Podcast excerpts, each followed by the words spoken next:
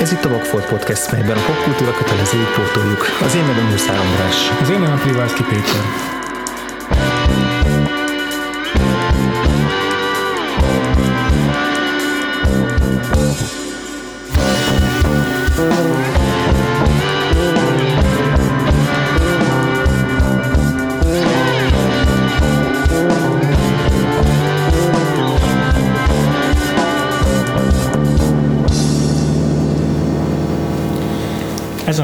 Egy új blokkot kezdünk el, hmm, amelyet valahogy úgy fogalmazném meg, hogy indi női rendezős blokk. Valami olyasmi. Valami olyasmi. Nem nagyon találtunk rajta fogást, csak igazság szerint volt egy pár olyan film, amit szerettünk volna bepotolni, és akkor ezeket egymás mellé tettük, mm. mert valahogy mégiscsak összeillettek.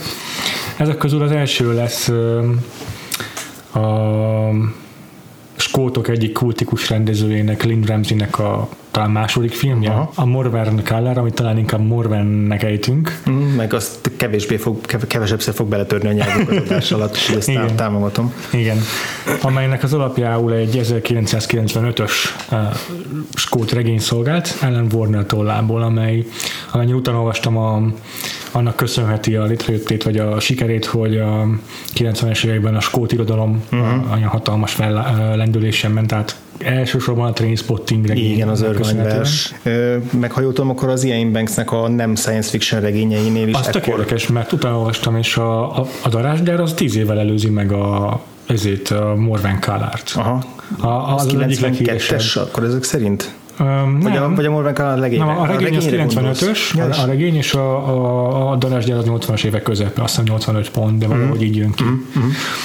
Mert mindenképp akartam egyébként beszélni, hmm. szerintem bele is kezdhetünk, mert, szerintem is. mert tök érdekes volt, hogy tényleg a, a regény, mm, amennyire beleolvastam, most az így pár oldalt át pörgettem, nagyon szikára stílusa, meg nagyon tárgyilagos, de ugyanakkor meg nagyon lényegetörő is. Ez alatt azt értem, hogy, hogy nem, hát nem kendőzi el a témáját, amelyben azért mondjuk el a hallgatóknak is, arról van szó, hogy egy fiatal nő, Mm. A filmben Samantha, Mort, Samantha Morton által játszott Morven Kallár egyik nap arra ébredt, hogy a barátja öngyilkos lett.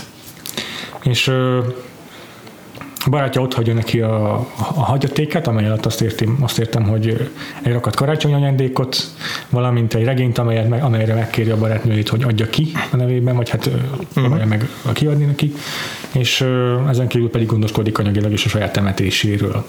A lány viszont mm, ezeket az ígéreteket, vagy ezeket a kéréseket nem tartja be, hanem hogy is fogalmazza, meg a saját lábára áll Igen. a, a barátja halála után. Na és ezt a regény elég, szerintem elég mm, ilyen tabufeszegető stílusban közli, mm. ami nekem, nekem, nekem, nekem pont a, a darásgyárt juttatta eszembe. Persze azért nem mondanám, hogy ugyanaz a elbaszottság jellemző erre a történetre, mint a darásgyára, de el tudnám képzelni egyébként Lynn Ramsey feldolgozásában azt a regényt is. azt hiszem, hogy az első filmje a Catcher, ami, amivel berobbant, és ami az, amit azóta is rengetegen ilyen nagy hivatkozási alapnak vesznek. Azt hiszem, az pont ilyen családtörténet, aminek egy kis srác a főszereplője, uh-huh. aki ilyen nagyon-nagyon sokszorosan terhelt családi környezetből származik. Tehát, hogy így lehet, hogy a, a között, meg a darázsjár között még több uh-huh. hasonlóságot találnak, de ez csak igen. tipp az alapján, a pár kis snitt alapján, igen. amit így a Catcherből elcsíptem igen, ilyen igen, videóban. Igen. És hát akkor ez, a, ez alapján érdekes, hogy ezt a nagyon nyers regény, a regénynek ezt a nagyon nyers prózáját, ezt mennyire, mennyire művészi módon dolgozta fel a Lynn Ramsey olyan, olyan értelemben, hogy nem ilyen nagyon naturalista megközelítéssel fogta meg ezt az anyagot, hanem, hanem az, hogy gondolom az egyes szem első személyben elbeszélt Igen, történetet. Ugye a, nagyon nehéz általában a, az, ezeknek a regényeknek az adaptációjánál a, a belső monológokat, belső hangokat filmes formában mondjuk narráció nélkül megcsinálni, meg, meg átadni, mikor, hát, egy, mikor egy regénynek ez a lényege. És, és azért most, hogy megnéztünk a Scorsese-től három olyan filmet, amely valami regényadaptáció volt, vagy talán többet is, de ebből legalább kettő olyan volt, amelynek a főszereplője segítkezett a könyv megírásában, Igen. ahol azért rendes, rendesen benne van az ő szemszöge a történetben. Most azután nagyon furcsa volt ezt a filmet úgy megnézni, hogy hiányzik belőle a narráció. Igen, viszont, viszont nekem pont azt tetszett benne, hogy Lina meg rengeteg olyan egyéb konkrétan mozgóképes filmes eszközt talált, amivel közelebb tud vinni minket a főszereplőnek a, a, a gondolataihoz, meg a pszichológiai állapotához, bár szerintem erről majd sokat fogunk beszélni, hogy egyáltalán mennyire lehetséges közel kerülni bármilyen értelemben ehhez a szereplőhöz, egyáltalán megérteni ennek a szereplőnek a mozgatórugóit, ez szerintem a legizgalmasabb része a filmnek. De, de szóval az, az, az, az érdekes, hogy a, a, ami megfogta a Lynn Ramsey-t ebben a regényben, ahhoz kitalált egy teljesen saját ö, nyelvi ö, nyelvi kódkészletet, amit, amit felhasznált, és, és hát nyilván jobban tudnánk erről beszélni, hogy a regénynek az egészét olvastuk volna, és tudnánk, hogy mennyire emelte át a lényegét, de de, de így látatlanban is úgy gondolom, hogy az biztos, hogy ehhez a szereplőhöz hűséges volt, bármilyen is uh-huh. volt a, a, a regényben meg ahhoz a, ahhoz, a, ahhoz a formához, hogy, hogy nem magyarázza túl ennek a szereplőnek a, a tehát ez egy karaktertanulmány úgy, hogy a karakterről nagyon-nagyon keveset árul el.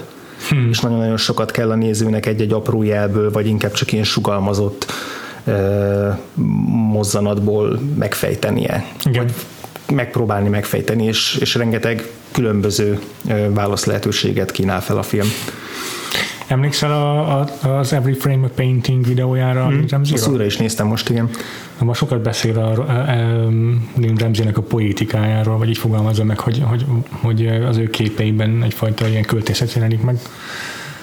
Pont azon keresztül, hogy teljesen egyedi filmnyelvet teremt lényegében. Meg ott kiemeli azt is, hogy Lynn Ramsey azt hiszem fotográfusként kezdte, mm-hmm. szerintem nagyon meglátszik a. Nagyon. Rengetegszer azt éreztem, hogy azzal, hogy máshova helyezi a, máshogy keretezi a képet, mint ahogy, meg, ahogy, ahogy várnád.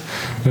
Egy teljesen másfajta történetet mond el. Egy, egy képpel, tehát ahogy egy fotográfusnak kell tudnia, egy képpel tud elmesélni komplett történeteket. É, hát gyakorlatilag ezt olvastam is valamely kritikában, de ez bennem is ezt fogalmazódott meg, hogy igazából a Morven Color az akár egy néma film is lehetne. az a külön, igen.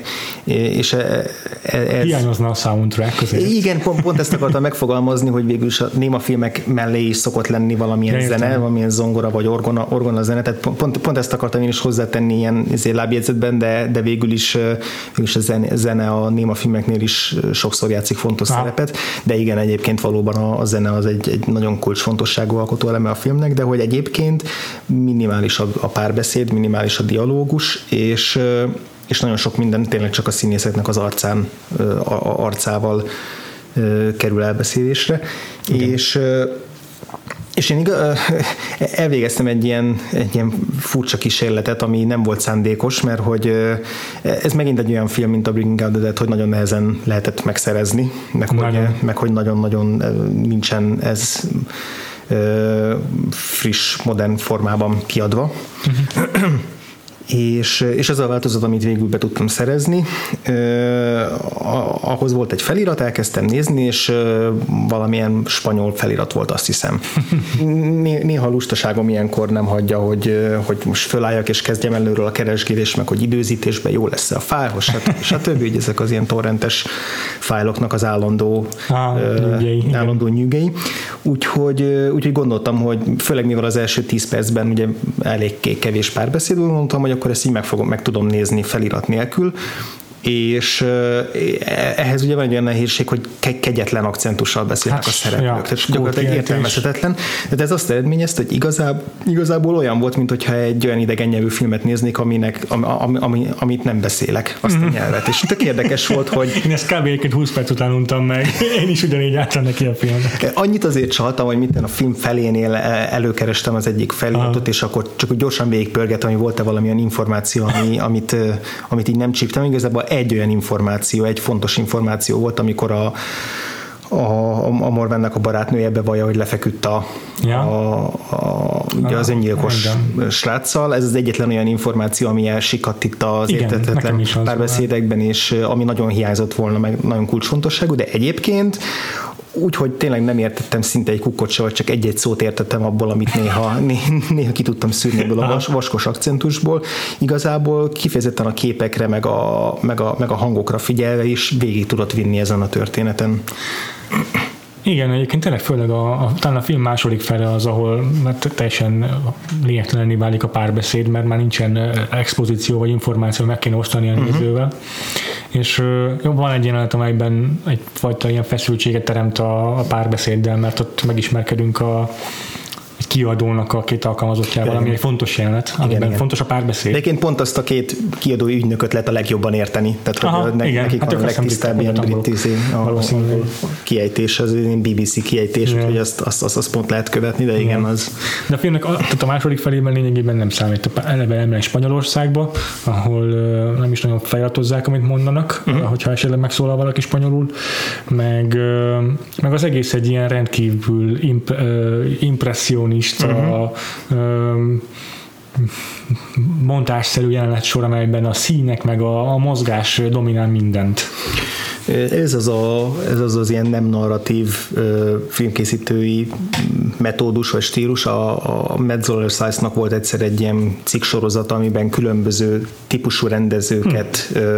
vagy különböző rendezőket osztott csoportokba, és akkor volt egy ilyen nem tudom 8-9-10 részes szériája, hogy mint keresett három rendezőt, akiknek, akikben talált valami hasonló közös pontot, és akkor arra hmm. felfűzte. Ja. És volt, a, volt egy olyan, ami, akiknek azt a nevet adta, hogy The Sensualist nem lehet ezt egy az egyben, de hogy akik, akik nagyon az érzékekre akarnak hatni ezek a rendezők, és akkor mint a David Lynch volt, meg a Von Carvai, azt hiszem ezek között. Szerintem ebbe a kategóriába tartozik a, a, a Lynn Ramsey is, legalábbis a Morven Kál az egész biztosan pont, a, pont amiatt, amit, amit te is mondtál, hogy hogy tényleg csak ezekkel a, ezekkel a képekkel és, és hangokkal közvetíti az információkat. Ez nagyon érdekes például, hogy hogyan kezdődik a film, tehát hogy mi a, mi a filmnek a nyitóképe, amikor csak a, a főszereplőnek, a Samantha Mortonnak az arcát látjuk, és van egy villódzás, aminek nem ismerjük a forrását, és plusz látunk egy másik filmesztelen férfi testet, és akkor mi ugye azt lehet hinni, hogy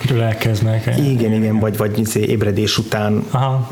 Ott, ott fekszenek egy ágyban, és, és ezek a, tehát eleve a vágást ott a villódzásnak a ritmusa adja, Aha. illetve ahogy, ahogy végül fölfedi, hogy, hogy hogy először csak a srácnak a csuklóját látjuk, ahol a, még fókuszon kívül is van, tehát hogy nem, nem, is, nem is teljesen egyértelmű, de ott úgy lehet látni, hogy mintha ott valami fel lenne sértve a csuklója, de utána csak egy idő után mutatja meg azt a tablót, ahol ott fekszik a, a, a halott srác, és ilyen vércsík húzódik mögött a konyhába, és ott van a karácsonyfának a, ez, a, ez, az égő, és ez, egy, ez már elég nagyon-nagyon erős nyitókép, és csomószor visszatér a filmbe aztán ez a villódzás, tehát rengetegszer, amikor otthon van, és főleg uh-huh. amikor, amikor ilyen pont ezeket az ilyen nagy döntéseket kell meghoznia, meg, a, meg amikor, amikor ilyen válaszút előtt áll a, a főszereplő, hogy merre menjen, akkor mindig ott van a háta mögött mm-hmm. ez, a, mhm. ez a villódzás. Tehát van egy, van egy olyan kép is, amikor amikor a, miután megtalálta ugye a barátja itt utána föltözik, hogy elmenjen bulizni a barátnőjével, és akkor kifesti a körmét, és így föltartja így maga elé, hogy megnézze, és akkor először a kamera még arra fókuszál, és aztán ugye azért váltják a fókuszt, és a, és a háttérben a kapuból pedig jön megint az a villódzás, és akkor ez hmm. megint azt megint, tehát hogy így nem hagyja elfelejteni a, a, a film az, hogy, hogy mi a kiinduló pontja a filmnek, hogy az úgy mindig ott legyen, nem mintha amúgy nem lenne ott a, a gondolatunkban, de hogy anélkül, hogy, hogy tehát nem is kéne mindig megmutatni, hogy még mindig ott van a holttest, a villódzás akkor is visszahozná ezt a Meg egyébként nem csak, a, nem csak a nézőben kelti fel újra ezt az emléket a film ezzel szerintem, hanem azt is kifejezi, hogy Morven maga Uh-huh. Bármennyire is próbál, de nem tud szabadulni attól a gondolattól. Azért mégiscsak arról van itt szó, hogy a film első felében egyébben együtt él egy holttesttel. Igen. És próbálja ezt a külvilág felé titkolni, mert nem tud mit kezdeni jelenleg a helyzettel, és tényleg elmegy önfeledten bulizni, meg a munkahelyére, és, és és ez, ezek a vizuális utalások egyedül azok, amelyek azt engedik sugalni, hogy, hogy motoszkál a fejében továbbra is ez a kínzó állapot. Igen, és aztán a, egyrészt eleve valahogy nagyon nyomasztó, meg hátborzongató az, hogy ezt az Igen. ilyen pokolbeli villózást, ez egy karácsonyfának a, az égőegyek, amik ugye általában a boldogság, meg a szeretet, meg a meg a nyugalomnak a, a képi jegyei szoktak lenni, és aztán, és aztán egy csomószor visszatér az, hogy ugye többször elmegy diszkóba Igen. Spanyolországba, és ott is mindig ilyen szintén stroboszkópszerű villódzás, ilyen vöröses villódzással veszik fel az ottani jeleneteket, és, és az is automatikusan ezt a uh-huh. film elején látott ilyen fényjátékot idézi fel, tehát hogy így... A film legvége is ugye ilyen képekből áll. Hi, hiába megy el Spanyolországba, Morven Kalár hiába próbál kiszabadulni, mindig ott van valahol az, ez itt tudat alatt benne is, meg bennünk is, hogy, hmm. hogy mi, a, mi a kiinduló pont. Hmm. Tehát, hogy így igazából nem tud ezzelől igazán elmenekülni. Meg egy bennem még azt az érzést is keltette, hogy visszatérve arra, hogy Dean Ramsey fotográfusként kezdte, ez a stroboszkópszerű fényvillózás a vakúra emlékeztet, amely így azt sugalja, hogy megörökítesz egy pillanatot az időben a képek által, és mint hogyha ezt fejeznék itt is, az az állandó villódzás, hogy itt megmerelett az idő Morven Kalár számára, hmm. és nem tud túllépni azon a pillanaton, amikor hmm. felébredt a halott barátja mellett. Ja, ez, ez, ez tetszik, ez tök jó gondolat, igen.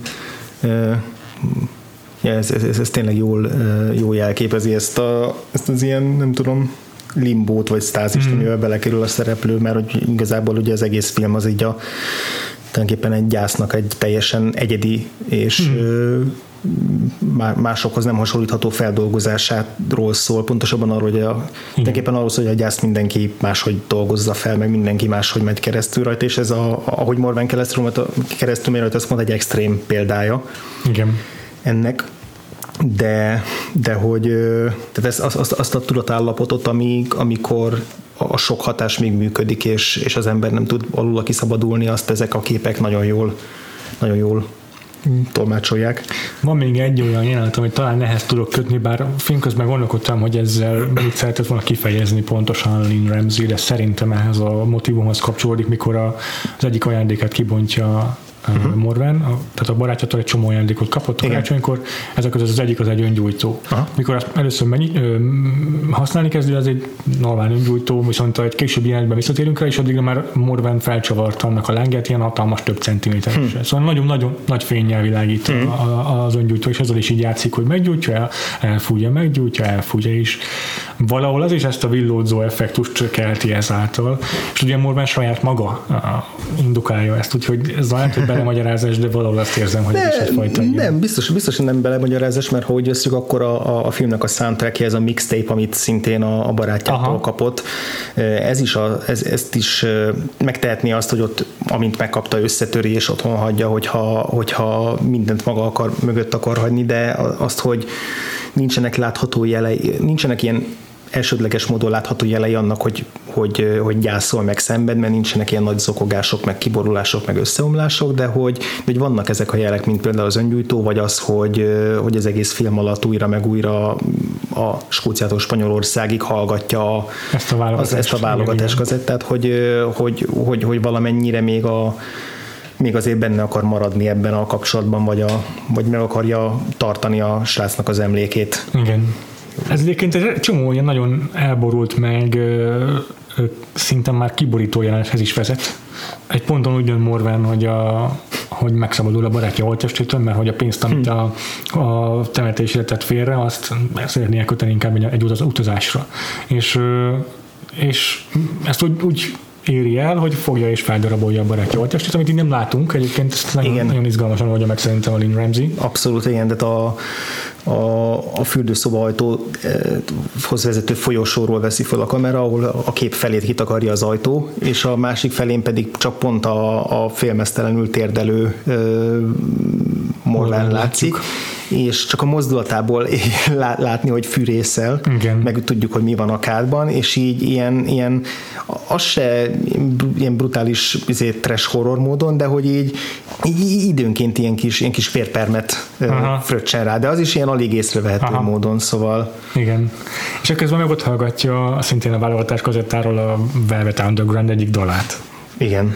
Tehát ez a, ez a bizarr tudatállapot, amiben Morván van, ezt nagyon nehéz átélni, vagy nagyon nehéz értelmezni néha. Igen, szerintem akkor beszéltünk is a film lényegéről, ugye ha. a főszereplő karakterről, meg, meg arról, hogy most hány, hányadán is állunk vele, meg, meg mit is gondolunk arról, hogy, hogy ő itt mit művel, mit művel ebben a filmben. Jó.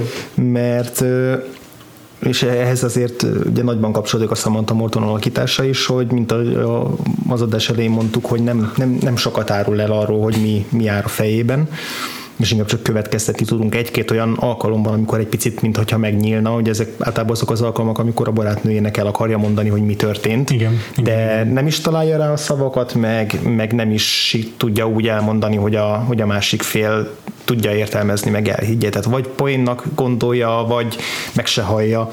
Mm. És, és, és egyébként pedig tényleg annyira, annyira ilyen bel, belső folyamatok zajlanak a főszereplőben, hogy, hogy azokat meg ó, nehéz megalapítani, mi jár a fejében, így viszont a tetteit is ö, sokféleképpen lehet megítélni. Hmm. Tehát, ö, tehát ugye az film hát cselekménynek nem nagyon lehet nevezni, mert nincs olyan nagyon cselekménye a filmnek, de végül is a film cselekményét az indítja el, ahogy mondtad, hogy a, a, a barátja írt egy regényt, és írt hozzá e, ilyen használati útmutatót, hogy mit tegyen bele, hogy küldje el irodalmi ügynököknek. És ezt meg is teszi, csak előtte kitörli a barátja nevét a kezdő oldalról, és a sajátját írja bele. És ez így, így külön elmondva, ez ugye hát egy... Rendkívül szívtelen. Igen, igen, tudom, szívtelen ilyen. szociopata igen, igen. cselekedet, és, és egy csomó későbbi jelenetben is egy ilyen, ilyen nagyon furcsa szociopata figurá rajzolódik ki, miközben nem jelenetről jelenetre változott nálam, hogy én most egy, egy számító és, és a, a, a helyzetet kihasználó, igazából érzéketlen nőt látunk, vagy egy a gyász miatt ilyen ösztönös döntéseket hozó, és a döntéseinek tudatában nem, tehát egy olyan, olyan embert, aki nincs is igazában, igazán teljesen tudatában a döntéseinek, hanem mint hogy egy ilyen kisgyerek lenne, aki, aki maga se tudja, hogy pontosan mit csinál. És, nekem is inkább olyasmi volt az érzésem, nekem egy harmadik de ez nagyon hasonló interpretációm volt, hogy a gyász hatására, vagy inkább a, a, a halál hatására valahogy eltávolodott ettől a az egész létségtől, amiben mi hm. mozgunk. Tehát, hogy hiten annyira képtelenné vált feldolgozni a történteket, hogy teljesen eltávolította magát uh-huh. a, a hétköznapi élettől, vagy a, attól, ahogyan az emberek általában viselkednek. Tényleg megjelenik ez olyasmiben is, hogy megismerkedik egy sráccal Spanyolországban egy hotelben, és mikor meglátogatja, akkor a következő dolog, amit megtud róla, az az, hogy a srác éppen gyászol, mert meghalt az anyja. Uh-huh és Morvenen ebből nem látszik semmi. Egy pillanatra sem mondja neki azt, hogy sajnálom, vagy együttérzésnek a jelét sem mutatja, csak leül mellé az ágyra. De nem is közvetlenül mellé, csak az ágy másik szélére. És képtelen emberi kapcsolatokat teremteni igazából, még a barátnőjével is. A, a barátnője egyfolytában elmondja, hogy mennyire jó barátnő a Morven. De ebből mi nem látunk lényegében semmit. Igen, ez egy kérdés, hogy ők valójában vajon mennyire lehetnek jó barátnők, mert, mert az ő kapcsolatukban inkább azt a, azt a baráti kapcsolatot, tehát nem egy olyan kapcsolat, ami mondjuk ilyen 10-15 sok évre gyerekkorra visszavezethető, vagy ha igen, akkor sem túlságosan mély. Tehát ő ugye kollégák, ugyanabban a mhm. szupermarketben dolgoznak, és hogy ez az a, az a barátnői kapcsolat, ez a baráti kapcsolat, hogy együtt elmennek bulizni, ilyen tök könnyed, tök felszínes, de igazából nagyon jóba vannak egymással, de hogy, de hogy teljesen így a, a felszínen mozog a kapcsolat, és, és ezért is hullik szét a film végére, mert hogy, mert hogy nincs mögötte igazi tartalom, másrészt pedig teljesen ellentétes jellemek, tehát a barátnője, ő egy, ő egy ilyen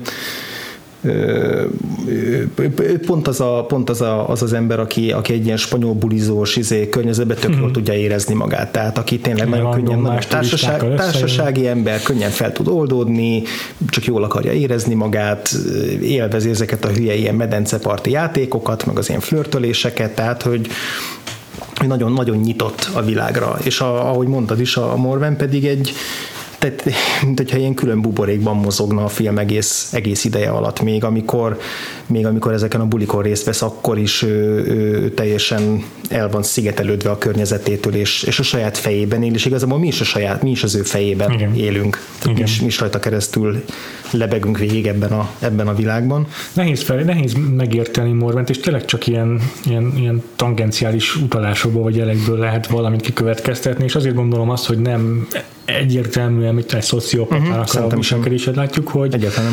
volt egy barátja, aki egy művész, tehát regényt írt, imádja a különféle modern popzenéket, a mixtépeket rak össze. Uh-huh. Tehát egy kifejezetten érzékeny fickó lehet. A barátnője, aki a, ugye a, a, a szupermarketben dolgozik, valahogy azt hiszem úgy is érzi, hogy és hol van a Dostoyevsky, vagy valami hasonló van neki. Ilyen, igen. Tehát, hogy így a, a, az ember, aki egy kicsit távol áll valószínűleg a közektől igazából, és így eleve furcsa, hogy Morven nem miért jöttek össze valószínűleg. Uh-huh. Valami Igen. biztos, hogy megláttak egymásban, és az a csávó, aki öngyilkos lesz, annak valószínűleg vannak hasonló problémája. Ugyanolyan zárkózott lehet, talán depressziós. Hm.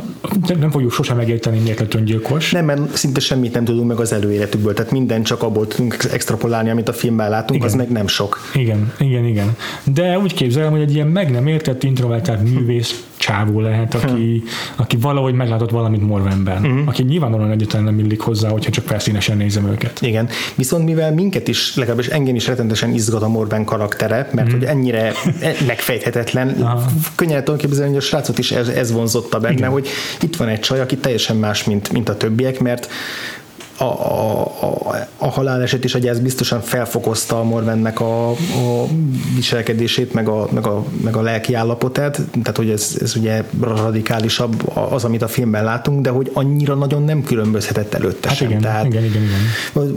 Valószínűleg tudott ő nagyon közvetlen, meg felszabadult is lenni, meg, meg tehát a bulikban valószínűleg ő... Ő is ugyanúgy feloldódott, vagy legalábbis úgy tett, mint aki feloldódik. Igen, de közben van benne valamilyen nagyon rejtélyes, ami nagyon kiismerhetetlen, ami, ami pont az ilyen művész embereket ö, vonzhatta, vonza. vonza.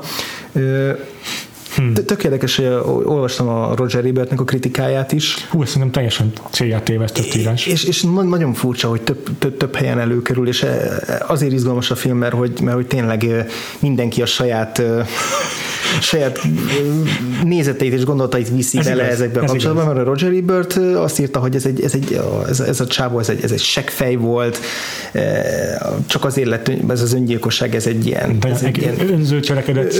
Önző fasság, így még kis, what a jerk, valami, valamilyen felkiáltó éles kiszólása, és ez a srácra. Én egyébként ez, tehát ilyen esetekben, most ez egy, egy, egy filmről beszélünk, de egyébként is, amikor, amikor hírekben lehet olvasni mondjuk egy, egy hírességről, aki öngyilkos lett, vagy bármi hasonló esetről, mindig nagyon óvatos vagyok azzal, hogy ezt, hogy ezt önzőségnek nevezzem, Igen. mert az öngyilkosság az talán lehetőleg távolabb áll az önzőségtől, bármennyire is annak tűnik, hogy akkor az ember csak magával foglalkozik. Mm. Persze ennek is, tehát hogy rettenetesen sok oka és vá, nem vá, lehet, oka lehet, nem lehet, nem lehet le, leredukálni a, a, az önzőségre. Igen. Uh, és ugye nem tudjuk megfejteni, hogy depresszió állt-e itt a, a, a barátjának a halála mögött, vagy, vagy, vagy bármi, vagy csak egy ilyen gyerekes dac, ahogy a, a Roger Ebert gondolja. Igen. De, de hogy az egyetlen dolog, amiből kiindulhatunk, az ugye ez a búcsú levél, ami valóban tehát a búcsúlevél, az való, valóban vannak benne ilyen kicsit bicskanyitogató mondatok. Tehát amikor az, az, azt mondja, hogy, hogy, hogy légy bátor. Aha. Meg, meg, hogy, meg hogy hogy úgy éreztem, hogy ez a, hogy, hogy, hogy, hogy ez a helyes döntés, mármint hogy öngyilkos lesz. Tehát, hogy van egy ilyen kicsit ilyen nyegle megfogalmazás ennek a búcsú üzenetnek, mm. amiből, amiből valóban lehet arra következtetni, hogy, hogy itt lehet, hogy nem ilyen nagyon komoly traumák álltak a, az eset mögött, hanem egyszerűen egy ilyen nem tudom, éretlenebb valakinek a, a, az, a, az ilyen, ilyen figyelemfelkeltő cselekedete volt. De igazából Igen, mindegy is, igazából mindegy is, mert, hát figyelj, szerintem mert az, a Morven hogy... nem az alapján ítéljük meg. Tehát, hogy, a, bocsánat, csak hogy a, a, a Roger Ebert ebből azt vezette le, hogy a, hogy a, a Morven felül ez igazából egy bosszú is, hogy ellopja a, a a volt barátjának a kéziratát, hogy, hogy ezzel Aha. akar bosszút állni azért, ami, a, a, ahogy a barátja ott hagyta. És ez például működhet anélkül is, hogy most elkezdünk pszichologizálni és megalapítani, hogy a barátja ö, miért lett öngyilkos, meg mi állhatott az egész kapcsolatok mögött, mert valóban lehet, lehetett benne egy düh, amiért a, ami, amiért a barátja ott hagyta.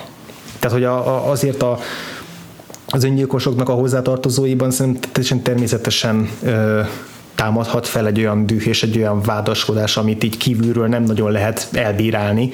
Figyelj, szerintem egyiket az van benne, hogy tehát itt, itt próbálom hozzátenni a regényt, meg annak a kontextusát, annak, annak én, hogy nem olvastam magát a könyvet. 1995, a Trainspottingnak a hullámán jelenik meg, ezt megelőzően ott van a Ian Banksnek a tabu döntögető yeah. izé, forradalma. Itt valószínűleg egy ilyen nagyon provokatív uh-huh. Ez igaz új hullámos stílust látunk, amelyben benne kell, hogy legyen az is szerintem, hogy ez a levél direkt úgy van megfogalmazva, hogy tetszés szerint azt lesz belőle, amit akarsz. Persze. Ha te egy keresztény neveltetésű, adott esetben bigott családi háttérrel rendelkező, az öngyilkosságot tényleg főbenjáró bűnként tekintő ember vagy, akkor ebben azt fogod látni, hogy ez egy önző faszfej volt. Uh-huh. És pont ez a célja, ez egy provokatív megfogalmazása, egy provokatív kiinduló pontja a regénynek.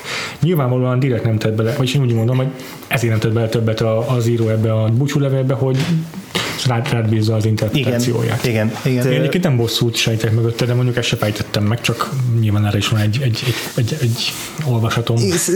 Szerintem ez is egy nagyon összetett és bonyolult dolog. Tehát a, a film legelső jelenete az szerintem egyértelműen arra utal, hogy, hogy ez egy valós szerelmi kapcsolat volt. Aha. Tehát ahogy, ahogy fekszik mellette, átöleli, megcsókolja a holttestet, tehát az, ez, egy, ez egy olyan reakció, ami, ami egy, tehát ez nem csak egy ilyen párnapos kapcsolat volt, hanem, hanem tényleg itt, itt, itt valódi érzelmekről és valódi összeomlásról van szó a Morven részéről, amit ő egy nagyon zárt formában él, él végig, de ahogy be, beül a kádba, és ott a kádvízbe így, így belecsúszik, és aztán az az arckifejezés az rengeteget elárul arról, hogy ő megéli ezt a gyászt, és hogy, hogy kétségbe van esve, fáj tanástalan, fáj neki a reménytelen, igen, a helyzete. És aztán az, hogy, hogy kihasználja úgymond ezt a helyzetet, hogy, hogy itt van ez a forgatókönyv, forgatókönyv itt van ez a, ez a regény kézirat, amiről persze nem tudhatja, hogy ez most tényleg pénzt fog-e hozni a konyhára, de hogy, de hogy itt van ez a kézirat, amit felhasználhat arra, hogy abból az egyébként tök nyomorúságos életéből valahogy kitörjön. Az elkölcsönleg helytelenül cselekszik, igen, ez teljesen megkérdőjelezhetetlen. Igen, igen, tehát gyakorlatilag ugye, ugye nem el se temeteti a srácot, hanem kiviszi a feldarabolt hullát és elássa valahol a domtetőn. Igen és, és aztán eltulajdonítja a szellemi termékét, bár ugye ott van, hogy ezt neked írtam, tehát ez, ez megint egy olyan mondat, amit én lehet úgy értelmezni, ha nekem írtad, akkor azt kezdek vele, amit akarok. De hogy egyrészt én soha nem éreztem, hogy olyan rettentesen manipulatív figura lenne, hanem aki csak az adott helyzetben ebben a nagyon nehezen, kívülről nehezen megítéltő zavart le, tudatállapotban, lelkiállapotban hoz pillanatnyi döntéseket, és aztán néha nem is tud velük mit kezdeni, uh-huh. tehát ez ugye látszik a, az mhm. ügynökökkel való párbeszédben, amikor így egyszer csak olyan kérdéseket kezdenek neki föltenni, amire nincs fölkészülve egyáltalán. Tehát, hogyha ő egy, egy ilyen brutál szociopata valaki lenne, akkor rég kitalálta Persze. volna azokat a Igen. válaszokat, hogy hogyan tudja kimenteni magát, Igen. majd is eljátszani a nagy írót. Igen, Igen. Tehát ez, ez tulajdonképpen egy nagyon furcsa coming of age történet van valahol elrejtve itt a, itt a képek alatt, igen, tehát az, Erre hogy, az, hogy ez a valaki, ha, ha nem is felnövés történet, de minden esetre valaki, aki a saját nagyon-nagyon zárt nyomasztó környezetéből így apránként elkezd, elkezd kitörni, vagy próbál kitörni, és a film végére nem sikerül neki teljesen, de elindul egy olyan úton, ahol talán talán... Egy megvalósítás történet? Talán a jelenlegi életénél egy kicsit gazdagabb élet felé kezd el tartani. Tehát... Én pont azt gondoltam, azt olvastam a film végéből ki, hogy nem sikerül neki ezt elérnie. Vagy pont, hogy beragad ebbe a létállapotba. Mire, ho, ho, ez, hát az áró képsorok azok azok, hogy egy diszkóban a fülhallgatóját, a fülhallgatójával bedugva uh, látjuk, hogy bolyong, miközben ezek a villódzó fények mm. uralják a képeket. Én azt a jelenetet azt már a, a film játék idején kívülinek tekintettem, tehát azt egy ilyen epilógusnak tekintem, ami nem, a, nem azután a jelenet után játszódik, hogy kimegy a pályaudvarra, Aha.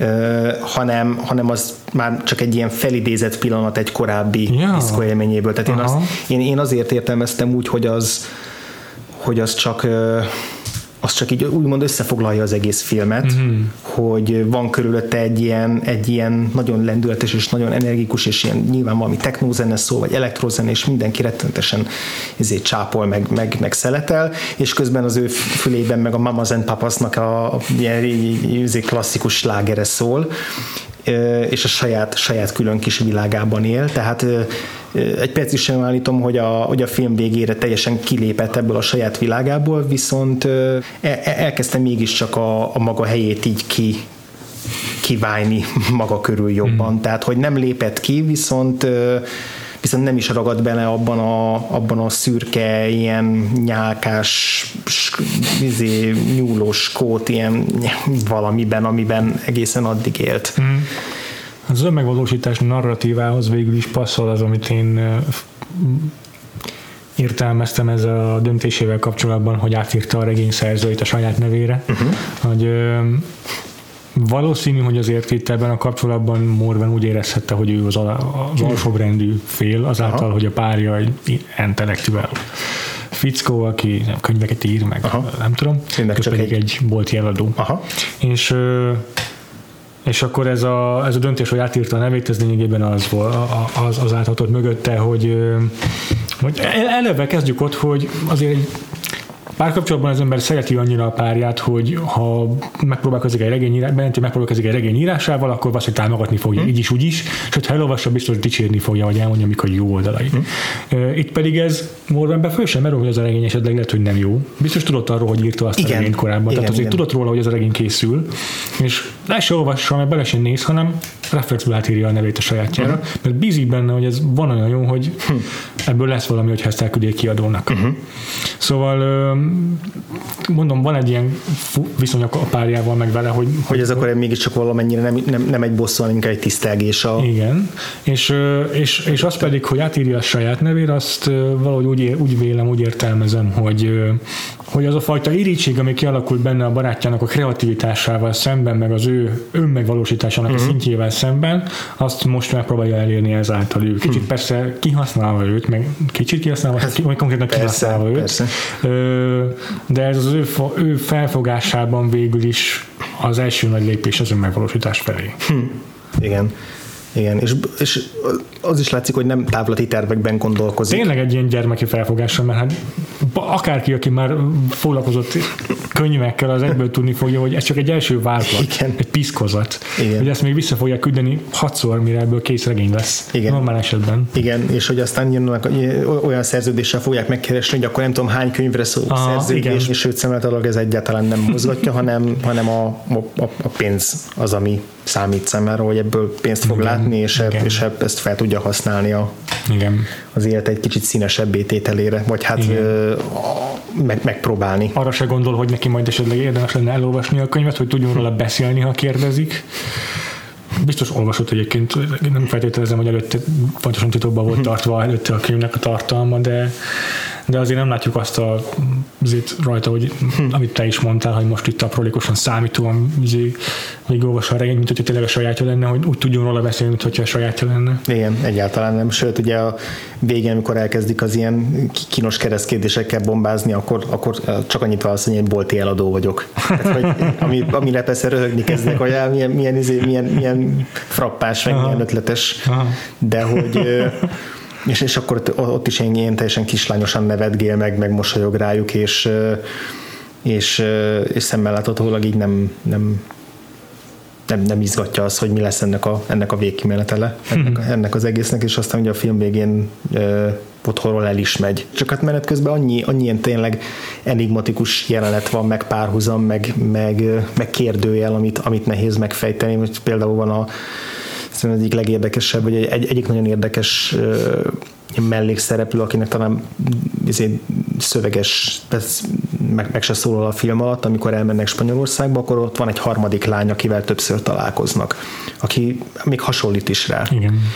Akit először akkor látnak egy ilyen medenceparti, ilyen játékban, ilyen ismerkedős játékban, hogy egy ilyen nagy sátor alatt cseréljék ki a fürdőruhájukat egy, egy fiú meg egy lány, és akkor utána majd leleplezik őket, és és ez nagyon, nagyon tipikus, hogy amikor így lekerül róluk a, a sátor, akkor ugye a srác ez ilyen hát, röhögcsével feszeg, mert hogy én, ez, bikini van rajta, és közben a lány meg teljesen megsemmisülve álmesztelenül. És, és, és látszik rajta, hogy nyilván az egészet egyáltalán nem élvezi, és, és ez egy borzasztóan megszégyenítő helyzet számára és, és aztán később összetalálkozik vele egy diszkónak a mosdójába, ahol csak ott, ott ilyen szerintem már teljesen bedrogozva áll a, áll a sarokban, és gyakorlatilag ilyen, tehát még, még annyira sincs annyira se kommunikatív a külvilággal, mint a Morven Color. Tehát, hogy ez a, a Morven számára valami olyan tükörkép, vagy olyan, Igen. olyan párhuzam, ami, ami, ami nem egy, tehát hogy ezt is nehéz megfejteni, hogy ebből, ebből ő milyen következtetéseket volna, de valószínűleg az, hogy ide nem, idáig én nem akarok eljutni.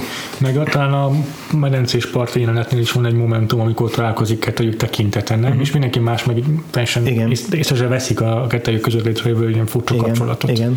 És valóban mind a ketten az ilyen eltávolodást választják mehan- védekező mechanizmusnak. Igen. És én a, abban a jelenetben, amit, amit említettél, hogy korábban, hogy van a hotelszobában teljesen random találkozik azzal a sráccal, akinek éppen akkor halt meg, a, halt meg az édesanyja, hogy ugye tényleg nem reagál rá se, hogy, de hogy közben utána mégis izé, ö, Ja, utána meg szexelnek. de, igen, de hogy ez, ez mégis egy olyan szavak nélküli kapcsolat, ami a, a közös veszteségből fakadhat. Tehát, hogy máshogy nehéz értelmezni azt, ami ott történik, mert, mert ez mégsem csak egy csak egy, egy bulin kialakuló, teljesen random izé, egy éjszakás kaland, hanem, hanem, hanem valami má- másfajta lélektani dolgok rejlenek mögötte. Hmm.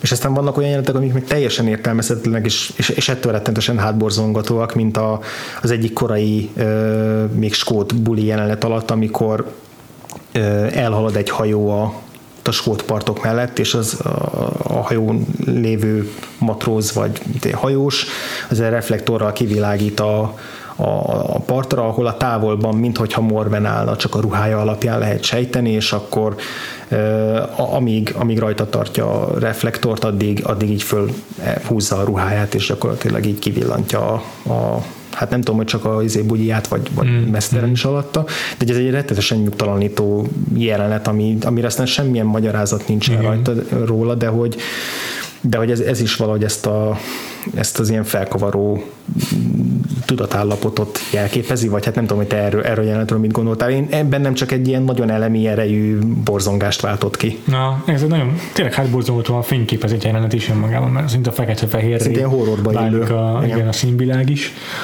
És az, igen, ahogy ez a fényi pásztázik, az is így ez a, valóban ezt a horrorisztikus effektust idézi meg a meg ahogyan a lány szemei világítanak a reflektorban, nekem hmm.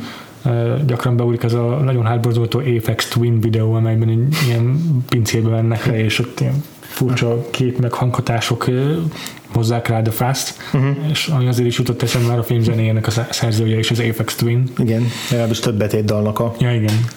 A, a, a szerzője. És, és igen, vissza visszatérnek ezek a szintén nagyon hátborzongató zenei motivumok a filmben, amik ugyanezt uh-huh. ezt a feszültséget, vagy ezt a, ezt a nem tudom, nyugtalanságot keltik az emberben. Igen, ennek is van egy ilyen, a film zenéinek is, vagy egy ilyen nyugtalanító, ellenpontozó hatása van, ami nem olyan direkt, mint ahogy a Scorsese szokta használni, hogy akkor erőszakos jelenet alá tegyünk egy vidám dalt, Ah. nem ennyire egyértelmű, hanem, hanem ilyen, ilyen fu- furcsában nyugtalanít, mint amikor a, a szupermarketben ilyen kábán vonul végig a főszereplő, és az alatt szól egy Nancy Sinatra dal, aminek, aminek sokkal ilyen tehát, tehát te- teljesen más, más a hangulata.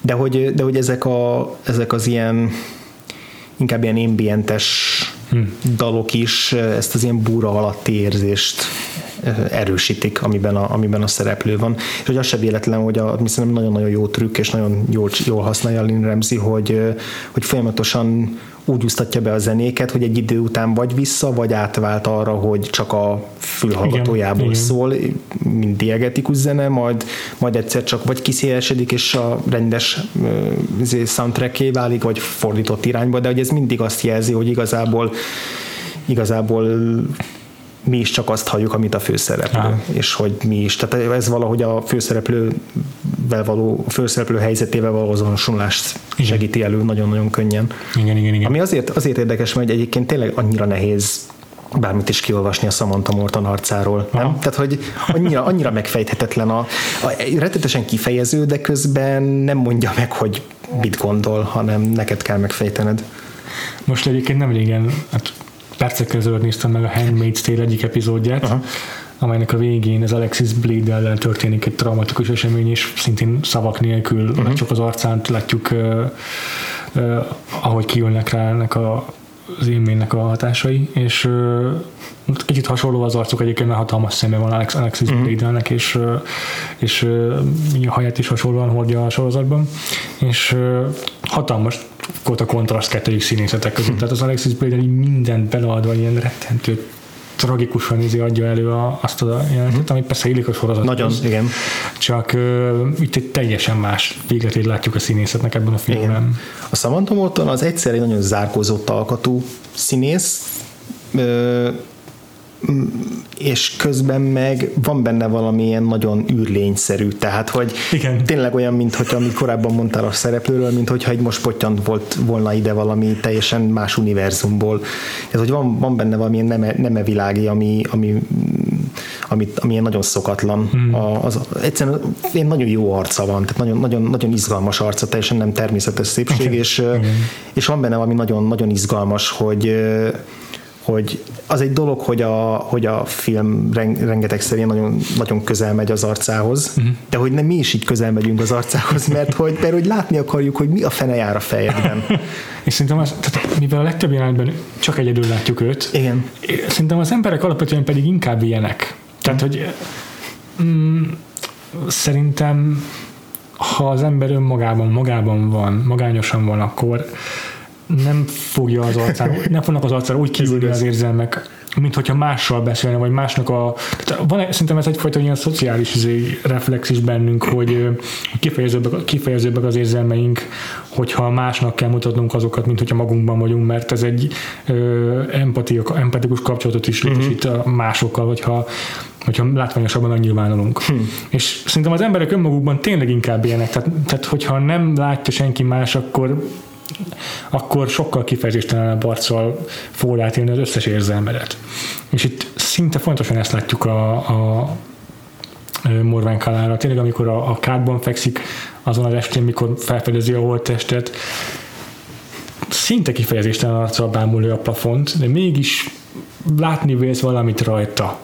Mégis valami próbálsz keresni a tekintetében, mm. és folyamatosan ez zajlik a filmben, ezt látjuk vissza-visszatérni a filmben. Igen. Csak mivel egy külön valóságban él, ezért majdnem állandóan ilyen az ő azt kifejezése, Igen. vagy a reakciója de közben mégis nagyon változékony, tehát Igen. hogy, hogy ne, ne, nem üres ez az arc kifejezés, nem, csak, nem, csak enigmatikus, igen. igen, ez egy jó szó volt. Igen, igen. és, és, és rengeteget tud mosolyogni, meg van, amikor így kihajol egy autó ablakán, ez is én többször ismétlődik, és, és akkor, mint hogy a ilyen önfelett, önfeledten adná át magát a természetnek. Érdekes egyébként a, a Samantha Mortonnak ez a 2002-2003, ez egy iszonyatosan jó év egy év vagy két éve volt. Egyszerre három olyan film, ami mondjuk egy személyes dolog, hogy nálam mind a, a Morban Kalaron kívül a két másik film a külön vélemény, a Spielbergnek a külön véleménye, meg az Amerikában a, mint a Petty Considinnel együtt bevándorló családot játszik, akik New Yorkban próbálnak így ilyen nagyon mély szegénységben megélni, Aha. és van egy ilyen érdekes, ilyen mágikus, realista hangvétele az egész filmnek, egy rettenetesen jó és nagyon nagyon sírós, nagyon megrázó film, de nagyon-nagyon szép film és mind a három nagyon szorosan közel van egymáshoz időben, és ez ilyen egész kivételes, hogy három ennyire jó filmben és ennyire jó karaktereket játszon. És hogy ezek közül igazából mind a három, de főleg a Morven Kalar meg a külön vélemény, az, az tényleg ilyen szinte néma karaktereket játszik, ja. aki, aki ilyen túlvilági figurja. A külön véleményben, a külön véleményben az, egy az Agatát, Agatát a Prekogot, aki, aki ugye végig ilyen, nem tudom, sisak van a fején, vagy borotvált, már nem emlékszem. Igen. De azt tudom, hogy a filmből a Tom Cruise-on kívül rá emlékszem kb. egyedül. Igen. És akkor is csak inkább leginkább azért, mert hogy miért őt castingolt ebbe a Spielberg, és miért van ilyen furcsa arca ennek a nőnek? Ez a két dolog maradt meg. Igen, bennem, bennem a, egyrészt az maradt meg, hogy miért, miért ilyen furcsa. Szokatlan az berendezése van, és ez tök jó, hogy ennyire, ennyire nem standard Aha.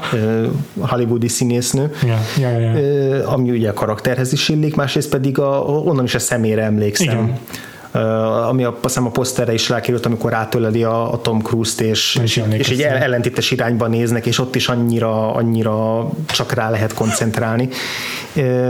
És aztán olvasni, hogy az, az, az ilyen áttörés jelentős szerepe a Woody Allennek a Sweet and Low című filmjében, ott konkrétan egy néma szereplőt ja. játszott. Tehát, hogy így nagyon megtalálták ezzel a, ezzel a nagyon szűk szerep, szerepkörrel, de hogy nem véletlen, mert hogy azért ezt nem sok színésznő hmm. tudja ezeket az ilyen dialóg nélküli szerepeket ennyire izgalmasan eljátszani. És az utóbbi időkben igazából blockbusterekben játszott mellékszerepeket, az John Carterben volt az egyik ilyen mocap figura, ugye az nyilván teljesen te, te, teljesen nem, nem a színészi alakításról szóló, szóló film, illetve most a, a legendás állatok is megfigyelésükben volt a, a gonosz ilyen, nem tudom, vallási szekta vezér, volt az a furcsa igen. ilyen félterrorista közösség, aminek a, aminek a vezetője volt. Ott is nagyon fontos volt a, az, hogy mennyire hátborzongató tudod lenni. Mondjuk ott még rásegítettek ilyen rettenetes parókával is, arra emlékszem, de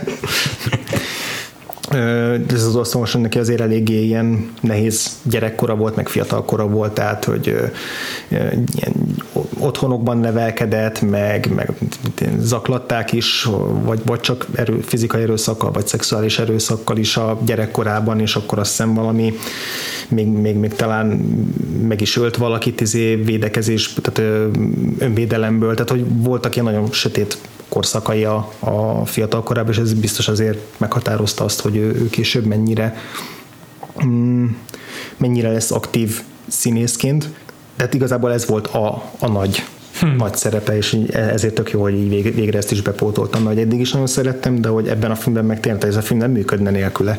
Igen.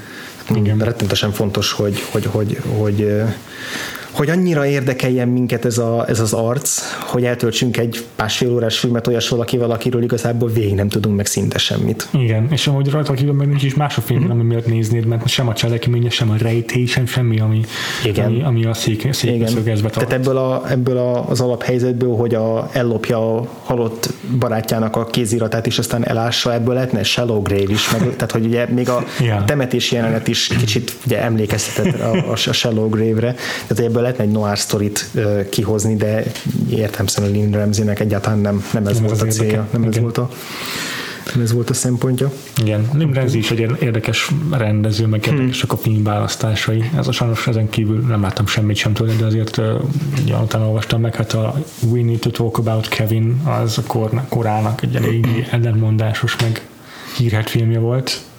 Ami valószínűleg ma is ugyanolyan hatást váltanak ki a belőle, ma megnézném. Hmm mint hogyha akkor tekintettem volna meg. De olyan direkt rámegy ezekre az ilyen bizarr karakterdrámákra, mennyire igen. figyelem. Ezért is beszéltünk arról, hogy biztos jól állna neki a darásgyár adott esetben. Igen, igen, igen. Mert szereti is a feldolgozásokat, ugye az egyik korábbi projektje az pont a Peter Jackson által később megrendezett Lovely Bones Igen. volt, amit szeretett volna megcsinálni, mert nála is voltak a jogok, de aztán megjelent Peter Jackson és az egy gyűrű hatalmánál fogva ezt elvette tőle. Nem tudom pontosan, de hogy végül nem sikerült megvalósítani a projektet. Igen, az hiszem úgy volt, hogy rögtön a Morven Kalar után akarta Aha. azt bevállalni, és még nem jelent meg a könyv, tehát még a kiadás előtt vásárolta meg a jogokat, mert rendesen szerette, Aha. és őt főleg az izgatta ugye az a része, hogy egy, abban, is, abban egy öngyilkos lány a főszereplő, aki aztán a, úgymond a mennyországból tekint le így a gyilkosára, meg a családjára, hogy mi történt a családjával, és hogy ő nyilván ennek a, a jóval depresszívebb oldalát akarta, akarta kihozni, meg a sötétebb tónusai fog, fogták meg benne, és egy több év, nem tudom hány évig, aztán egy-két évig dolgozott a, a könyvön, viszont aztán megjelent a könyv, és én óriási nagy siker lett, Aha. és akkor meg hirtelen a stúdiók, ma, ma, ugye addig a stúdiók úgy kezelték, hogy ebből majd lesz egy ilyen pár 50 ezer dollár, hogy vízi fontból igen, készült. Igen, izé. majd itt pár száz ember Mindig. látja, kritikusok Aha. szeretni fogják, és akkor nekünk meg egy ilyen presztízs dráma lesz, és akkor hoppá, nem, ez kurva nagy siker lett, akkor mi nem csinálunk ebből egy Értem. nagy stúdiófilmet, és akkor jött a Peter Jackson, hogy hello, hello, én szeretek ilyen nagy stúdiófilmeket csinálni, adjatok nekem sok pénzt, és, és akkor forgatok nektek ebből egy befogadható közönségbarát filmet, és, és ezért, ezért kapta meg végül ő. Aha és hát nem szerintem nem egy, nem egy, nem egy szerencsés karrierje van, mert ugye, ugye 2002 után a 2011 volt azt hiszem a, a következő filmje a Beszélnünk el Kevinről, és ugye kettő között volt egyrészt a, a Lovely Bones, és utána meg a Beszélünk el Kevinről is azt hiszem nem tudom négy-öt évig hmm. kotlott de egyrészt azt hiszem, hogy ő híresen lassan ír, tehát ez is benne Aha. van, de másrészt meg a, a beszélnünk kell Kevinről is, a, annál is voltak ilyen a hercehurcák, hogy, hogy a, addig húzódott, hogy elfogyott a pénz, és akkor át kellett írni, hogy kevesebb pénzből máshogy tudja megcsinálni, hm. és már rég leírták, meg átkerült másik stúdióhoz, tehát hogy itt itt ő, ő, ő, ő, neki nincsenek gyors átfutású filmjei, meg meg hát ugye kérdés, hogy a, a, a filmipar mennyire mennyire gondozza őt, mint tehetséget, és mennyire hagyja parlagon. Tehát, hogy ja. ugye ez a szokásos kettősséget itt, itt is meg lehet állapítani, hogy mondjuk egy, mit tudom én, bármelyik bármelyik indi férfi rendezőnek mennyire tolná, tolnák alá rögtön a, a nagy blockbustereket, ja. vagy akár az ilyen gyorsan megcsinálható könyveket. Igen. Franz tudja, persze ez, ez is zárójel, zárójele, hogy pont nemrég néztem meg, hogy a Ben Zeitlin mi van egyáltalán, aki ugye Beasts of Southern Wild-ot csinált, és azóta se csinált filmet, tehát hogy ez igen. valószínűleg nem csak a szexizmusról szól ez a dolog, hanem... Hát ez valószínűleg egy saját motiváció is, hogy nem feltétlen akar tehát ő, ő a saját elképzeléseit mm. szeretné leginkább, mert mondjuk egy Shane Carruth sem fog beállni blockbustereket gyártani szerintem. Igen, igen, igen, igen. És cserébe sokkal nehezebb dolgok van tető alá hozni azt, amit, amit, igen. amit ők akarnak igen. elképzelni. És a, mondjuk a, a, Ali Remzi-nek aztán volt egy harmadik film, ez a Jane Got a Gun, amit a Natalie Portman csinált volna, ez a western Azt film. Azt ő rendezte volna. Ja.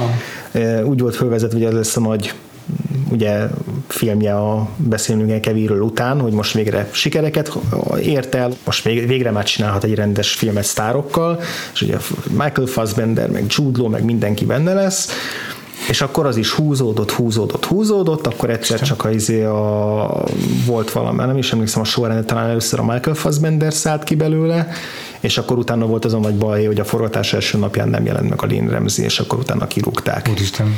És és, és utána újra is castingolták a felét, megjött az új rendező, és, és aztán úgy csinálták meg a filmet, és átokszal is lett. Ami yeah. nem jelenti azt, hogy a Limrenzi féle változat az biztosan jó lett volna, yeah. de hogy ott, ott is valami nagyon nagy zűrzavar volt ott a, a forgatáskor. Ilyenkor persze mindig nehéz megállapítani, most vajon a nehéz, nehéz természetű tehát nehezen lehet -e vele dolgozni, vagy ez csak az a... A stúdió akaratos volt. Igen, és akkor ez a nehezen lehet vele dolgozni, ez csak egy ilyen kifogás, amit rá lehet sütni, tehát ezt, ezt, ezt nyilván nehezen lehet megítélni, de az biztos, hogy ő már nagyon sokszor belefutott ebbe a uh-huh. Yeah. ebbe a dolgba, hogy nem, nem, nem tudja megvalósítani a, a film ötletét. Most azt hiszem lesz majd egy Joaquin Phoenix film, amit a Cannes Fesztiválon mutatnak be, ami azt jelenti, hogy ezek szerint már elkészült ez a film, tehát ez már tényleg meg lesz ez a, ez a film. Aha. De, de az, az biztos, hogy ő innen a pehesebb rendezők közé tartozik, aki, akinek valószínűleg sokkal több filmet kellett volna csinálnia mondjuk a Morven Color alapján, tehát Igen. hogy azért az, hogy azóta egy darab filmjét mutatták be a, azóta eltelt tizen, több mint 15 évben, az azért biztosan nem, nem, mutat, nem mutat jól. Igen. Nem tudom, hogy maradt-e még benned bármi a, a filmmel kapcsolatban, vagy esetleg egy ilyen néha, néha hajlamosak vagyunk arra, hogy rögtön annyira belemerülünk a részletekbe, hogy így nem adunk ilyen összképet, hogy úgy összességében... Szerintem adtunk azért összképet a, mind a filmről, mind a hangulatáról. Inkább arra gondolok, hogy benned milyen benyomás keltett összképként, vagy... Értem. Vagy, Hát nehéz, nehéz nagyon fogást találni ezen a filmen. Próbáltam többféle módon megközelíteni és értelmezni, hogy, hogy így ráérzek, mm. nem szippantott be elsőre, vagy mm. nem szögezett le elsőre. Úgyhogy én nagyjából másfél, inkább két és félszer néztem végig. Szóval. Nem volt hosszú, úgyhogy így nekiültem inkább még Ezt egyszer, hogy, hogy nem azért, hogy adjak egy újabb esélyt, mert nem mondom, hogy, is, hogy elsőre nem tetszett. Volt elsőre. Csak tényleg próbáltam még inkább mm, befogadni. Uh-huh és, és ez inkább ugye az utolsó két és feléig próbálkozásra sikerült, azt hiszem. De hát ez uh, olyan film is, ami nem adja könnyen magát, aha. tehát. Igen, de egyébként már elsőre is, tehát, tehát mondom, a film mellett szól az, hogy már elsőre is ö, le annyira, hogy, hogy ne adjam fel vele való próbálkozást, főként egyébként az Apex Twin zenék miatt, uh-huh. akik hihetetlen kiborítóak tudnak lenni. Hm. Tehát utána direkt meghallgattam egy kicsit a zenéből, van egy csomó, amit tök egyszerű zongora darab, amit nagyon jó hallgatni, de vannak ilyen elképesztően komplex, zavaros, elektronikus egyvelegek, amiket nem lehet egyszerűen az egy nyughatatlan valami, amit így iszonyatosan nehéz meghallgatni. És a film is maga is nagyon jó tükrözi ezt szerintem, vagy az Apex Twin zenének a filmes megfelelője sok tekintetben a, a Morven Kallár. Aha.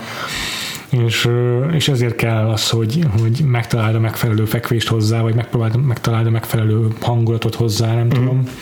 Úgyhogy baromi nehéz élmény szerintem, mm.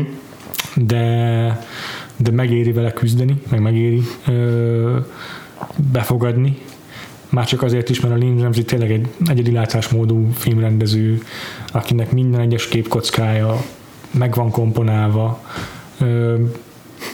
a hangkeveréstől a zenekeverésig mm, minden, fontos, igen. igen, minden nagyon kiszámított és pontos a, színészi alakítások, a színész vezetése az mm. azért is különösen erőteljes, mert a Samantha Mortonon kívül talán nem is volt ebben professzionális színész. Igen, ebben a igen. Filmben. És ha, ha ezt nem tudod előre, akkor nem tűnne fel a különbség a Samantha Morton meg a, meg a barátnő. Lenne. Aha, igen. Játszó színész, nem profi színésznő között. Igen, és tényleg hitelesek. Nagyon tetszik a párbeszédben, volt olyan, amikor belevágott, tehát belevágnak egymás szavába, hogyan egy természetes párbeszédben ez megtörténne, mert nem tudod, hogy mikor hagyja abba a másik, amit mond, és már mondaná, rákérdeznél valamire, és ő meg pont akkor mondja, és most pont nem halljátok egymást. Hmm. Ezek az ilyen természetes dolgok annyira jól megjelennek ebben a filmben, hogy ilyen baromira kézzelfogható, meg, meg markánsak a, a stílusjegyei, a lakás, ahol játszódik, az annyira mocskos, meg annyira hmm. ö, plastikus, gyönyörűen néz ki, amennyire, amennyire csúnya, meg zajos az egész film. Valahol még jót is tett neki, hogy nem, nem tudom, 1080p-s Blu-ray-en ja, igen, igen, igen, igen, igen, igen. Na neked mi a képed róla egyébként? Hát ne, nekem meg pont az, hogy én eleve fogékony vagyok az, az, az ilyen mood iránt, amik, amik inkább a hangulatokat adják hát meg tényleg ilyen ilyen, ilyen érzéseken vezetnek keresztül, uh-huh. és nem annyira a történeten vagy cselekményen vezetnek keresztül. Persze ehhez kell az, hogy legyen mögötte valami tartalom, meg legyen hát valami, amit ki lehet bányászni a képek, meg montások mögül, és hogy kell egy olyan erős főszereplő, mint amilyen Morven Kalar de hogy, de hogy valóban nehéz, viszont, viszont nagyon, nagyon, nagyon, nagyon sokat, ad, sokat adnak ezek a, ezek a filmek, amik amikből egyébként utólag rengeteg minden megmarad. Tehát, hogy ez az a film, amire utólag is úgy fogok vissza, elő fognak kerülni képek. Akár ah. a leges legutolsó kép, ami szerintem ah. eszméletlenül jó, amikor a, ugye a sok villódzás után elsötétől a kép, és még egyszer így, így oldalról így, így, így végigúszik a Morvennek az arca, ami nagyon, nagyon, nagyon, nagyon izgalmas, ilyen szintén videó installációszerű megoldással. Tényleg. És, Tényleg de, de, de tényleg rengeteg olyan kép, amit már említettünk a, a, az adás során, vagy olyanok is, amikről nem beszéltünk, azok így nagyon, nagyon élénken bevésődnek, és, és nem csak maguk a képek, hogy jaj, de szép, hanem hogy a mögöttük lévő érzések, meg, meg, meg hangulatok is és nagyon mélyen be, be, benyomódnak. Ugyanakkor azt is tudom, hogy ez tipikusan az a film, ami, ami rengeteg ember falra fog mászni tőle, hogy ah, csak izé emberek forgolódnak a mezőn, meg izé, Igen, meg menő, menő, zene van benne, meg me, izé, csak mennek az utcán, és közben nem történik semmi, és az egész ilyen modoros művészkedés, tehát ez, ez, ez az a film, ami, ami ilyen nagyon végletes reakciókat ki fog tudni váltani. Igen, igen, igen. De, de, de, de nekem abszolút, abszolút így működött emiatt nem, nem, nem az a film, amilyen első látásra szerelem, Aha. viszont az a fajta film, ami, ami én is éreztem azt, hogy ezt még meg kéne párszor nézni, és hogy akkor, akkor kerülne aztán a, aztán a helyére de még így is, hogy egy nézés meg egy ilyen beletekerés Aha. mellett is, is, is, is, is nagyon, nagyon élénken megmarad.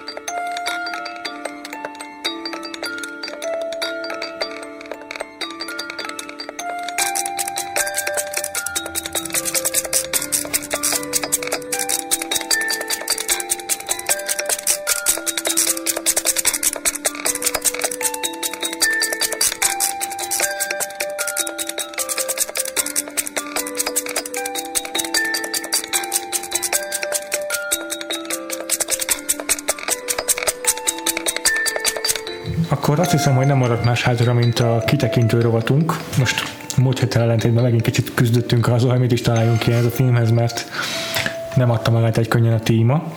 De végül úgy döntöttünk, hogy olyan színészeket fogunk válogatni, akik uh, Samantha Mortonhoz hasonlóan különös, rejtélyes uh, arccal rendelkeznek, hogy hogy fogalmazzam meg.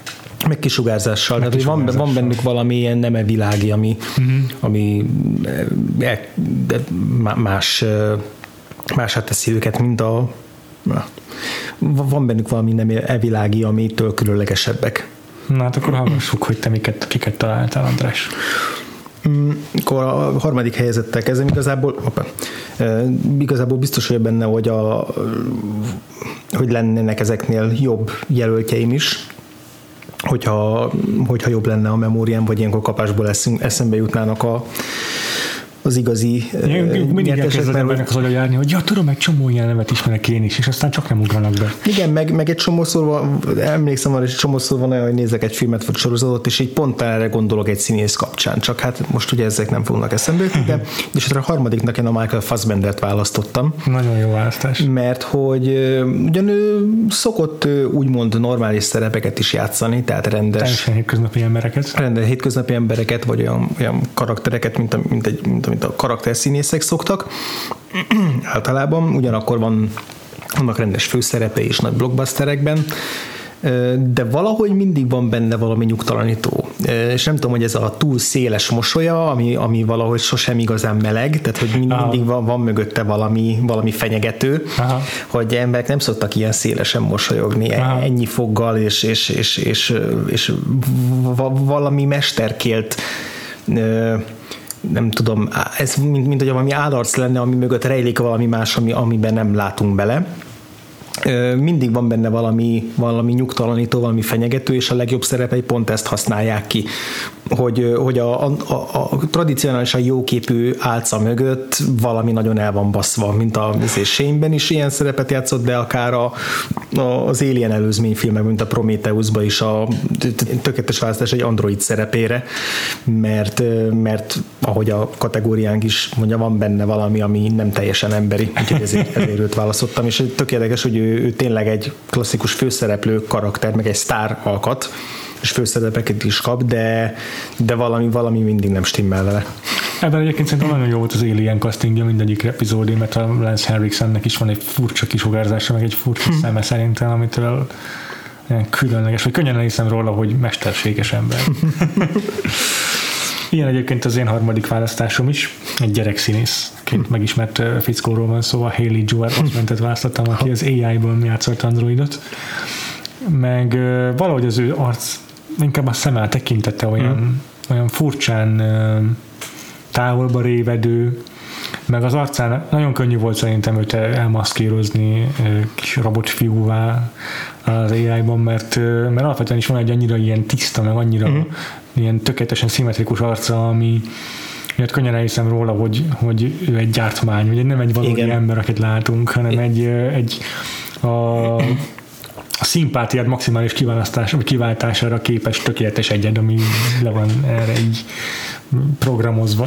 És, és közben van, van benne valami nagyon creepy, hogy Aha. nem kellett CGI karaktert alkotni ahhoz, hogy azt érezzük, hogy nagyon cuki ez a kisfiú, de hogy nem akarom, hogy ő, ő, ő szeressen engem, Aha. mert hogy ez mögött a szeretet mögött nincsenek emberi érzelmek, hanem ez egy beprogramozott, beprogramozott érzelem, úgyhogy ahhoz nagyon érted, hogy, hogy ilyen creepy gyerekeket játszon, akik irá, akiket mégis nagyon meg lehet szeretni. Aha. Úgyhogy ez, ez tetszik. Na, hallgassuk, hogy ki a második helyezetted akkor. A második helyezettem az ö, olyas valaki, akivel ö, lehet, hogy fogunk a, majd az őszi negyedik szezonunkban találkozni, bár még nem fixáltunk le sok, sok mindent az évaddal kapcsolatban, de, de csodálkoznék, hogyha, hogyha nem nézném meg Klaus Kinskinek valamelyik filmjét. Mm.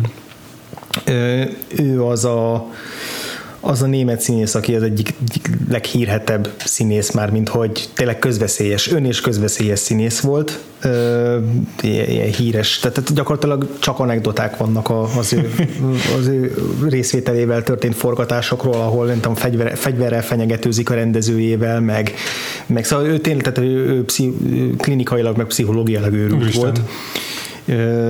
A, a, a, ami viszont azokban a szerepeiben, ahol tényleg őrülteket játszik, és általában őrülteket szokott játszani, azokban, azokban viszont ad egy olyan pluszt, amit, hogy mondjam, megtanulva nem lehet igazán jól eljátszani. Tehát vannak nagyon jó izé, sorozatgyilkosaink, meg őrülteink, filmes őrülteink, akiket nagyon lehet élvezni, és nagyon, nagyon, nagyon szórakoztatóak, és, és félelmetesek, ijesztőek, de nagyon-nagyon kevés az olyan, olyan színész, aki, aki tényleg látod, hogy a tekintetében valami, valami eszelős dolog van, ami, hogyha a közelében mész, akkor meggyulladsz.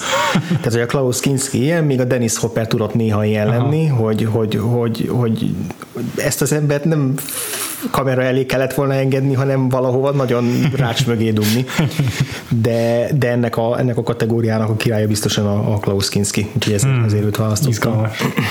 Hát én mivel egy kicsit úgy érzem, hogy azt hittem, hogy nem fogunk tudni ennyit beszélni a Morván Kalláról, ez igyekszem rövidre fogni most már a top listámat, és a teljesen egyértelmű helyezettekre megyek rá. Jó. Úgyhogy nem fog meglepni senkit sem, hogy a második helyezettem Benedict Cumberbatch.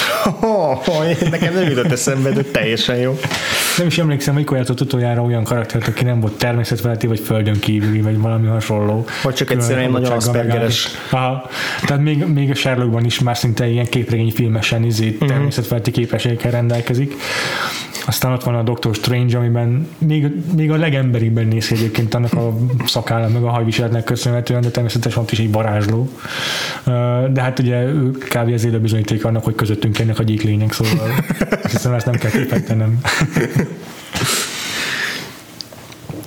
hallgassuk akkor, hogy te kit választottál első helyezettet. Hát első helyezetnek egy olyan színész Ez volt az, az egyetlen színész, aki tényleg kapásból eszembe jutott keresés nélkül, tehát ezért is éreztem, hogy itt az első helyre kell kell választanom. Az egyik kedvenc karakterszínészem, aki tényleg olyan, hogyha egyrészt mindig nagyon megörülök neki, hogyha játszik valamiben, másrészt mindig rögtön érzem, hogy valami, valami itt nem stimmel, ez a Tom Noonan.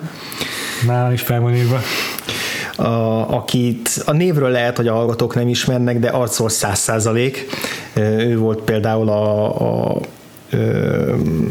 Mann féle Manhunter, ugye ez a vörös sárkány Hannibal Lecter adaptációnak az eredeti Francis Dollarhide-ja, ugye sorozatgyilkosa, de hát rengeteg sorozatban meg, meg, meg filmben bukkant fel ilyen mellék, mellékszerepekben. Nekem még a másik emlékezetes szerepe a Dollar Hyde mellett az a doki New Yorkban mm.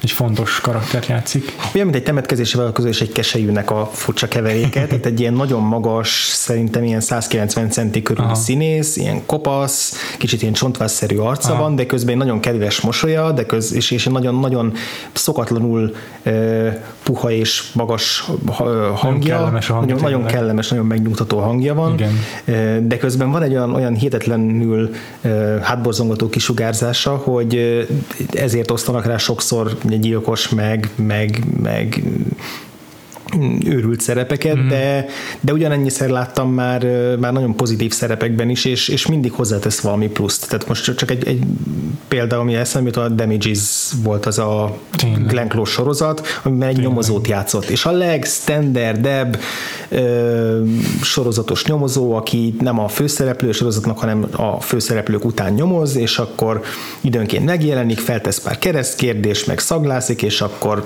nagyjából ennyi a szerepe. Tehát ilyen expozíció agresszió, meg, meg külső fenyegetés, és így valahányszor megjelent, így, így azt hiszem, hogy mindjárt destabilizálja ezt az egész sorozatot, mert hogy, mert hogy azok, az, azok a... Mit keres ebben a sorozatban egy David Lynch karakter? Pontosan, pontosan, pontosan így van. Tehát igazából úgy néz ki, mint a Twin Peaks-ből az óriás. Igen. és, és, és van egy ilyen beszéd stílusa is, hogy ilyen furcsa szüneteket tart, teljesen szabálytalanul hangsúlyoz, intonál, és, és, és ettől, ettől, ettől mindig, mindig rá kell figyelni. Tehát ő az a színész, akire, aki mindig vonza a tekintetet, és, és annak ellenére, hogy egy nagyon az alkata és a termete alapján azt gondolta, hogy csak egyféle dolgot tud bejátszani, nagyon sokféle hmm. szerepben láthattuk, tehát meglepően sok oldalú. Igen. Na és akkor halljuk a te első. Hát ha lehet mondani még egyértelmű nevet a Benedict Cumberbatchnél, akkor ez Tilda Swinton. Igen, és tudom, hogy vagy Tilda Swinton, vagy David Bowie lesz majd Aha. a... Tilda Swinton a David Bowie női reinkarnáció. igen, igen. És azért is az helyén való a választás, mert ő játszott az anyukát a beszélnünk mm-hmm. kell Kevinről című filmben, és szerintem ott, ott néz ki a leglegyűgözőbben Tilda Swinton, amit valahol láttam. Hm. De hát azt hiszem, ezt se kell elmagyaráznom a hallgatóknak, hogy miért került a listámra Tilda Swinton. Inkább még gyorsan elsorolom a futottak. A Tom Noonan kívül még fel volt nekem írva Matt Smith, a Doctor Who Aha. egyik címszereplője valamint a Visszajövőbe filmek. Oh. Az első filmben pontosan Chris George McFly játszott Crispin Glover, aki annyira sima az arca, mert annyira furcsák az arcélei, hogy úgy néz ki, mintha egy gumiból lenne. Élő vagy... marionettbából lenne, igen, vagy egy gumi ember. Nagyon furcsa. Úgyhogy ő mindenképpen megérdemli a, a legalábbis a, a, a futottak még helyezést a, az emberi földön kívüliek listában. Neked még van valaki, akit említenél esetleg? Hát igazából nincsen. Most, most aki eszembe jutott, de csak azért, mert egész friss élmény, és a Crispin Glover jutott eszembe, hogy most van az Amerikai Istenek sorozat, amiben a Crispin Glover is fel fog majd bukkanni valamelyik azt hiszem valamelyik modern istent fogja játszani, és így ezért is jó ja. választás ő is. Most, aki a legutóbbi részből beugrott, van egy Marta Kelly nevű színésznő, akit én a Best Kids-ből ismerek, ez az FX-nek a Zeg Galifianakis-os ilyen bohócos sorozata, ami nagyon fura sorozat. Tehát tényleg a réteg sorozatok korábban ez a ultimate réteg sorozat, a szomorú bohócról, ami ilyen egészen, egészen hol költői, hol szürreális, hol ez egy bohózatszerű, ilyen burleszk-szerű, uh-huh.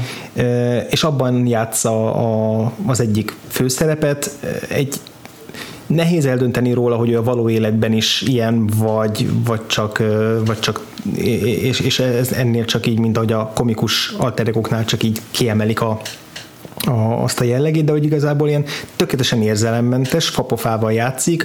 A hangja az, az nem, hogy tehát így, mint a, mint a flatton, tehát körülbelül ugyanazon a hangszínen beszél folyamatosan, mindig olyan, mintha így teljesen maga alatt lenne, de közben meg egy idő után rájössz, hogy, hogy nem így van, és nem tudod eldönteni, hogy egy teljesen érzelemmentes valaki, vagy nagyon-nagyon furcsa és érdekes színésznő, és most a amerikai istenekben is felbukkant a második részben egy, egy mellékszerepben, hmm. egy, egy ott, ott is egy, hát ő is egy istennőt játszott, hmm. és, és ugyanezt hozta egyébként. Ugy, ugyanezt a karaktert hozta, aki aztán meg se szólalt az epizódban egyszer sem, és nagyon geszt, mimikája sem volt, csak egy, egy egész minimális, amiből mégis ezért hasonlít a Samantha Mortonra, hogy igazából végig tudod, hogy mire gondol, meg hogy, meg hogy milyen pozitív Aha. vagy negatív előjelőek a reakció is, de hogy, de hogy közben olyan, mintha egy ilyen sima maszk lenne az arca, szóval nagyon nagyon jó, jó pofa és érdekes, Izgalom. alapvetően komikus színésznő, és ezért is gondoltam, hogy akkor őt legalább megemlítem. Tök jó. Akkor azt hiszem, hogy részünkről ennyi, hogyha tudtok valami hasonló fölünk kívüli észlelést, akkor azt arról beszámoltak a vakfoltpodcast.hu-n vagy esetleg a Facebook oldalunkon, a facebook.com per podcast alatt. Megtaláltok minket az összes szokásos platformon, tehát az iTunes-on kövessétek és értékeljétek a podcastünket, ugyanígy a Letterboxdon a filmekről szóló kis rövid összefoglalóinkat, vagy csak a csillagos értékelésünket, ha a adásunk alapján nem lenne egyértelmű, hogy mennyire tetszett nekünk az adott film, vagy mennyire nem. Se az. Illetve a Twitteren is megtaláltok minket, engem a Gains aláhúzás felhasználó név alatt. Engem pedig a Freebo név alatt, ezt két elvel kell leírni és jövő héten folytatjuk tovább ezt a, ezt a blokkunkat. Igazából nem beszéltük meg, hogy melyik filmmel folytassuk, de mivel a maradék két rendezőnk közül az egyik az kapcsolódni fog majd a, az, évad, az évadunk egyik utolsó aktuális adásához, ezért őt hagynám. Időrendben ő következne most, de ezért őt hagyom majd a végére. Ez egyébként mondjuk a Wonder Woman filmnek a rendezőjének a, egy korábbi filmje lesz, nem azt is nagyjából ki lehet már találni ebből, hogy melyik. Viszont most akkor nem bele fogjuk folytatni, mert egy picit előbbre haladunk, és Andra Arnoldnak nézzük meg a Fish Tank című című filmjét. Ez így ezer éve van a watchlistem Úgyhogy egy újabb erős, teljesen más jellegű indi rendezőt fogunk megnézni jövő héten. Addig is sziasztok! Sziasztok!